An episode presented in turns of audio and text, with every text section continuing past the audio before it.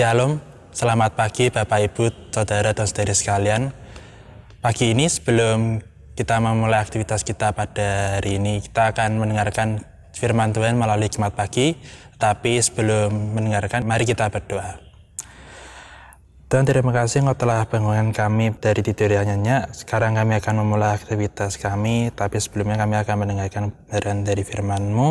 Melalui firman-Mu dapat menjadi pedoman hidup kami dalam menjalani aktivitasnya pada hari ini. Terima kasih Tuhan, kami sudah berdoa. Amin. Tema hikmat pagi pada hari ini, tatkala mengalami masa sukar. Bacaan terambil dari Habakuk 3 ayat 1 sampai 19, tetapi kita akan membaca hanya ayat 17 sampai 19. Demikian firman Tuhan. Sekalipun pohon ara tidak berbunga, pohon anggur tidak berbuah, hasil pohon zaitun mengecewakan, Sekalipun ladang-ladang tidak menghasilkan bahan makanan, kambing domba terhalau dari kurungan, dan tidak ada lembu sapi dalam kandang. Namun, aku akan bersorak-sorak di dalam Tuhan, beria-ria di dalam Allah yang menyelamatkan aku. Allah Tuhanku itu kekuatanku. Ia membuat kakiku seperti kaki rusa. Ia membiarkan aku berjejak di bukit-bukitku. Demikian sabda firman Tuhan, syukur kepada Allah. Shalom, selamat pagi Bapak Ibu Saudara yang terkasih di dalam Tuhan Yesus Kristus. Saudara, walau kita dapat melihat adalah lagu yang dilantunkan oleh seorang yang bernama Grezia Evivania. Gadis kelahiran Balikpapan, Kalimantan Timur pada 4 Februari 2006. Ia lahir dengan bola mata berselaput putih dan dokter pada saat itu telah memfonisnya tidak dapat melihat seumur hidup. Kenyataan hidup untuk rela menerima kondisi tanpa indera penglihatan, itulah yang tertuang dalam lagu pujian ini. Saat mendengar lagu ini kita dapat merasakan nilai kejujuran dalam setiap penggal liriknya. Grezia mengungkapkan bagaimana ketegaran hatinya menerima kenyataan hidup tanpa penglihatan dan bagaimana ia dapat tetap percaya kepada Tuhan sekalipun tidak dapat melihat. Bapak Ibu Saudara dengan mata iman ia menyadari bahwa kebutaan itu telah Tuhan rancangkan untuk suatu tujuan yang baik di dalam kehidupannya. Kebutaan juga bukanlah penghalang baginya untuk dapat mengembangkan talenta di dalam bermain piano dan juga bernyanyi yang memumpuni untuk kemuliaan nama Tuhan. Bapak Ibu Saudara, Tuhan tidak pernah menjanjikan bahwa kehidupan umatnya akan selalu berlangsung dalam aman, nyaman, dan juga tanpa masalah.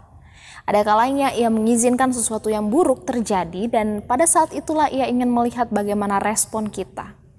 Nabi Habakuk mengajarkan seruan doa yang menarik ketika kondisi yang tidak mengenakan dialami oleh umatnya.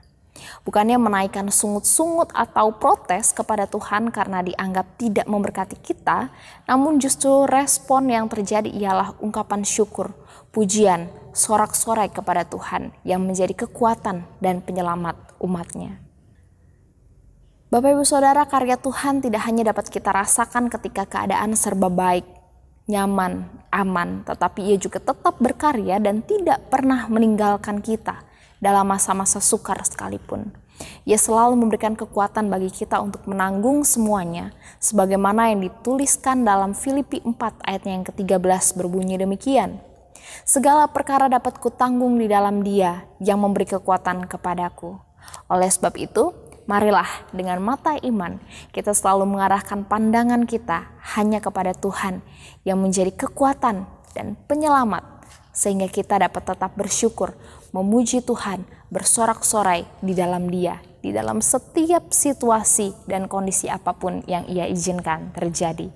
Bapak Ibu Saudara, Tuhan adalah kekuatan bagi kita di tengah-tengah kegelapan dan penderitaan hidup sekalipun.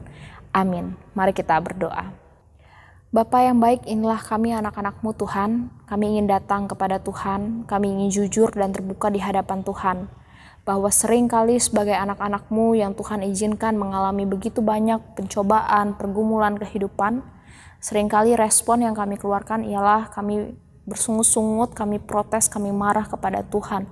Kami bertanya kenapa Tuhan mengizinkan semua itu terjadi di dalam kehidupan kami sebab kami belum siap Tuhan untuk menghadapinya.